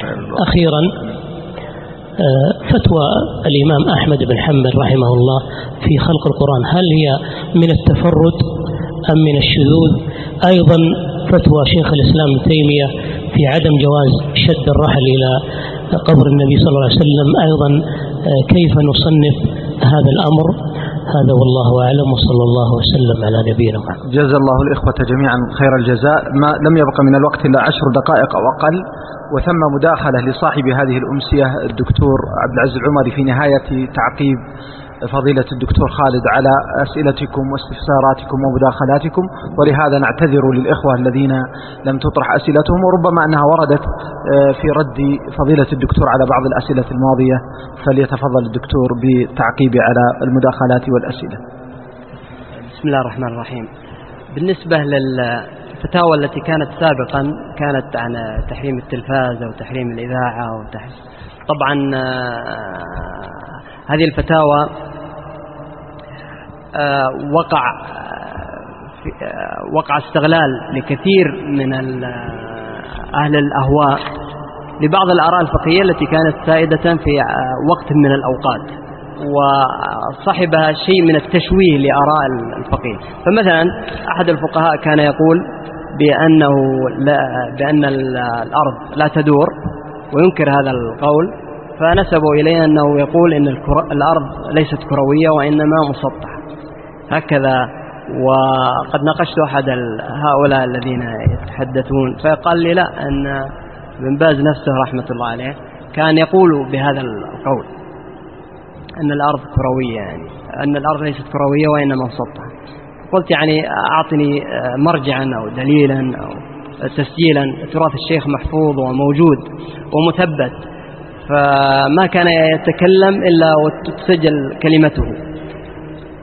قال لا إن لما صعد الأمير سلطان بن سلمان للفضاء فاتصل على الشيخ بن باز من الفضاء فقال للشيخ يا شيخ الآن أنا أشاهد الكرة وهي مكورة الأرض وهي مكورة. فقال الشيخ أقسم بالله أنها مكورة. فقال أقسم بالله يا شيخ أنها كذلك. فقال الشيخ إنني لا أصدق. هذا هذا الكلام الذي هو أشبه بالأساطير. يعني آه، حصل فيه تشويه لكثير من الشخصيات العلمية المرموقة في العالم الإسلامي في المعاصرة والقديمة. فعلى كل حال إذا استثنينا آه، هذه التشويهات المغرضة ننظر إلى بعض الفتاوى التي كانت يعني سائدة كانت تنظر إلى هذا المنتج التقني بحسب استعمال الناس له. في العادة أن التقنيات أول ما ترد على العالم الإسلامي يعني يتلقفها الناس ويكون أول من يتلقفها هم ناس غير آه، أصحاب الاتجاه المتمسك بالشعائر الدينية في الغالب. ولذلك تستعمل غالبا في الأمور المحرمة ثم آه، يتسرب إليه الخير شيئا فشيئا حتى يعم الخير أو يناهز أكتاف الشر.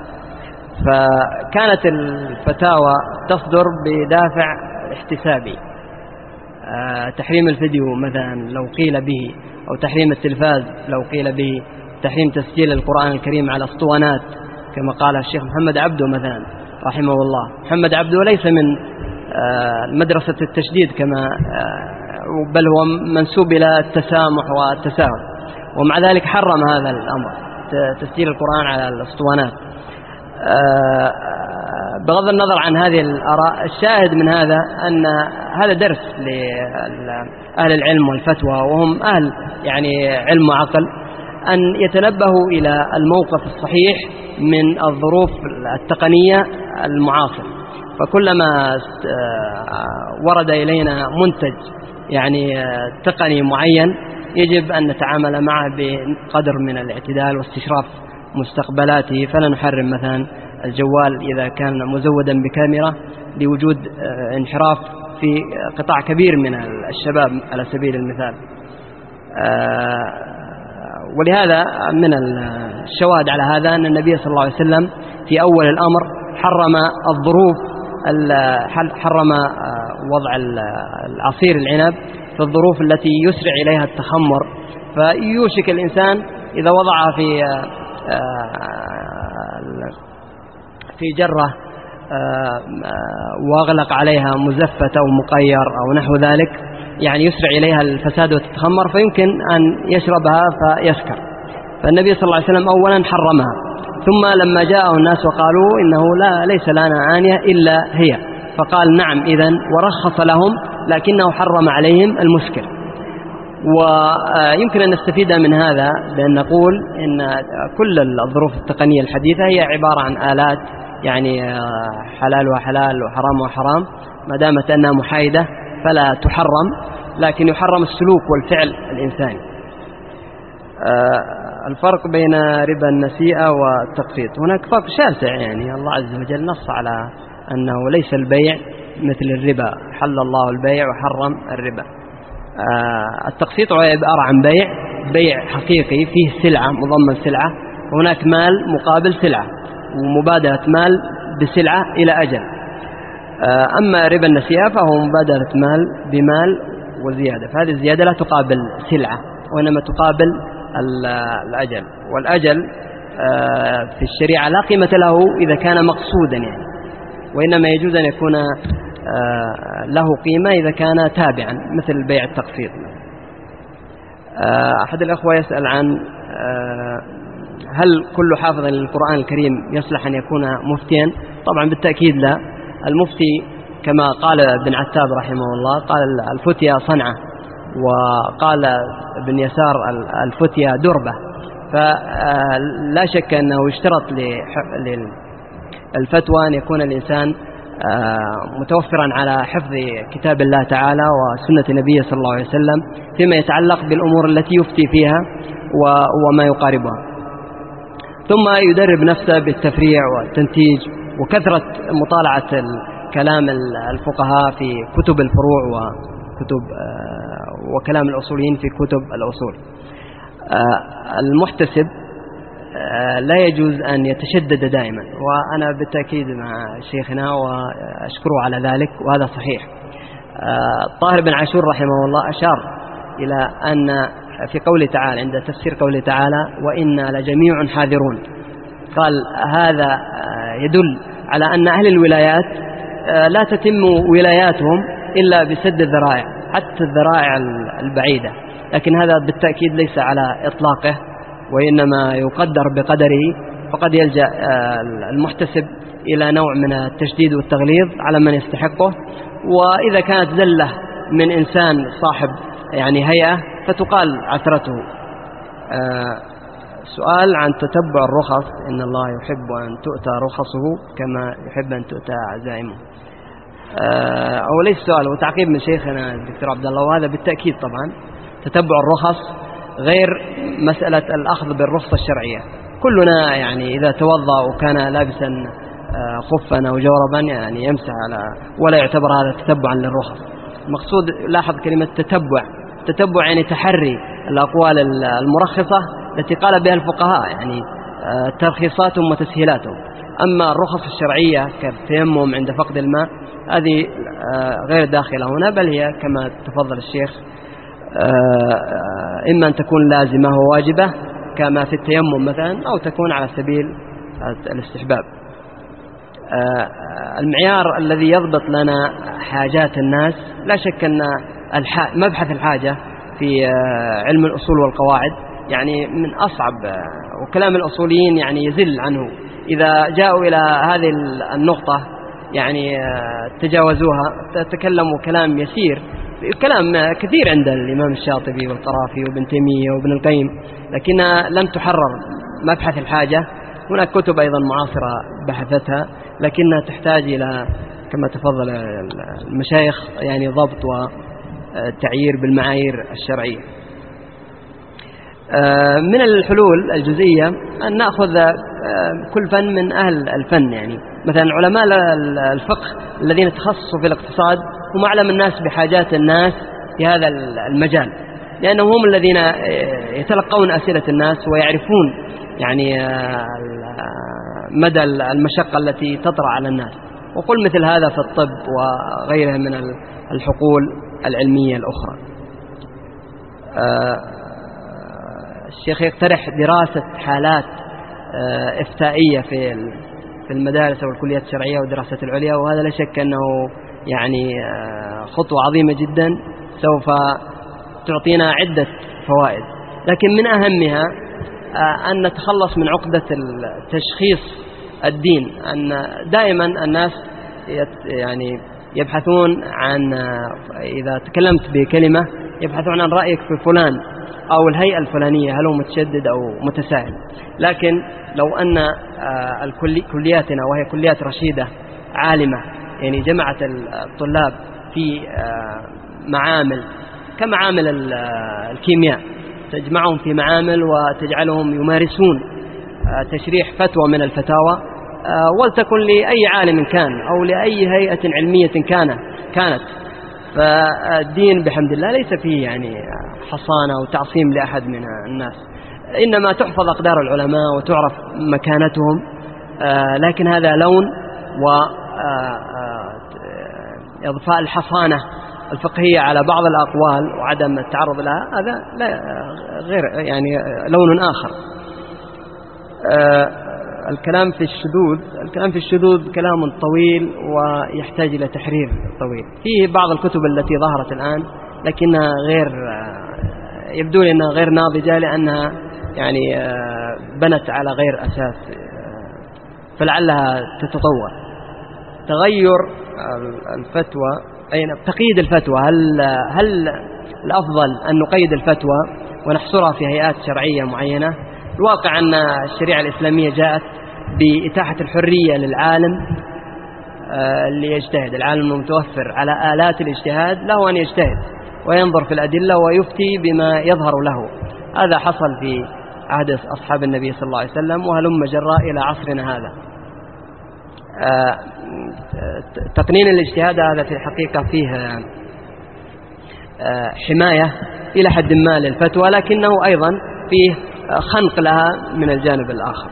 الفتاوى الفردية هي التي تغذي الفتاوى الجماعية بالعادة.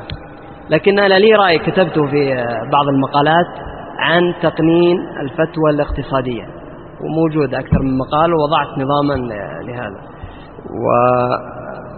وبالنسبة للحجاب والتبرج يعني بلا شك أن المرأة لو قالت هل يعني ألتزم بالحجاب الموجود هنا أو أغير حجابي قلنا لها لا الأفضل أن تبقين على هذا الحجاب.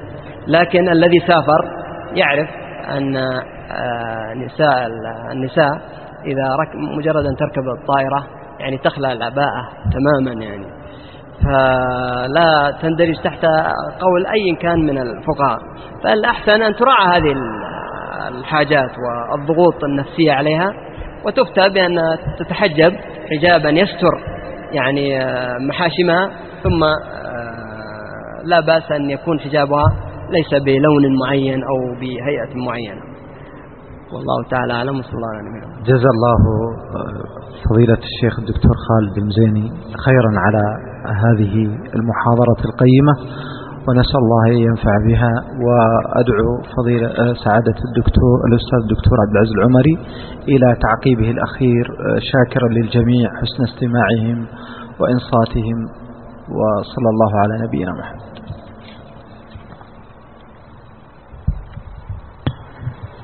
بسم الله الرحمن الرحيم. أستأذن الإخوة في تعقيب بسيط على هذه المحاضرة قبل أن أختم. لعل مما أعجبني من كلام الشيخ حفظه الله أنه قال الاحتياط من باب نقص العلم. فيعني هذا الأمر الحقيقة أمر يدعو إلى التفكير العميق. ولذلك أن يحتاط الإنسان لنفسه وأن يشدد على نفسه ربما يكون له الحرية في ذلك. أما أن يشدد على الآخرين في فتواه من باب الاحتياط فليس له ذلك. هذا ما فهمته موجزا من كلام الشيخ حفظه الله. ولعل هناك مثال وإن لم يكن في قواعد التحليل والتحريم. لكن من المشهور أن الرسول صلى الله عليه وسلم حينما يؤم الناس كان يخفف عليهم وحينما يصلي بنفسه كان يشرع في البقرة وآل عمران والنساء وكذا سورة كما ورد عن ابن عباس. فهذا من حقه صلوات ربي وسلامه عليه ومن حق أي إنسان أن يطيل كما يشاء لكن أن يطيل على الآخرين وأن يعني يضر بالآخرين فما كان صلى الله عليه وسلم يفعل وهذا ليس لي الخوض فيه. لكن قبل أن أختم أشكر لمحاضرنا الدكتور خالد المزيني على هذه المحاضرة القيمة وأشكر لأستاذي الدكتور عبد الله الزايدي حفظه الله أيضا على هذه الإدارة الحسنة وأشكر للمداخلين والحضور. وهذه هذه اللقاء لهذه الليلة هو ختام هذا الموسم لهذا العام. سيكون لنا عودة بإذن الله. إن كتب الله لنا حياة بعد إجازة الصيف بعد شهر رمضان. ولا أنسى في هذا المقام أن أشكر الإخوة من اللجنة الذين ساعدونا في إدارة هذا المنتدى طوال هذا الفصل الدراسي. منهم أبو سعد الأستاذ محمد المهنا وأبو هشام الأستاذ إبراهيم المهيدب وأبو عمر الأخ عبد العزيز المهنا وكذلك أبو عمر الأستاذ عبد العزيز علي باقازي كما أقدم شكرا حارا وخاصة لأبي ريان أستاذ سلمان العمري وهو الساعد الأيمن الإعلامي لهذا المنتدى والفريق المساعد له. وكذلك أشكر جميع العاملين معنا والمساعدين والمقترحين في هذا المنتدى وشكر خاص أيضا لشركة الشركة العربية للعود التي دأبت على تقديم هدايا رمزية لمحافظينا في هذا اللقاء.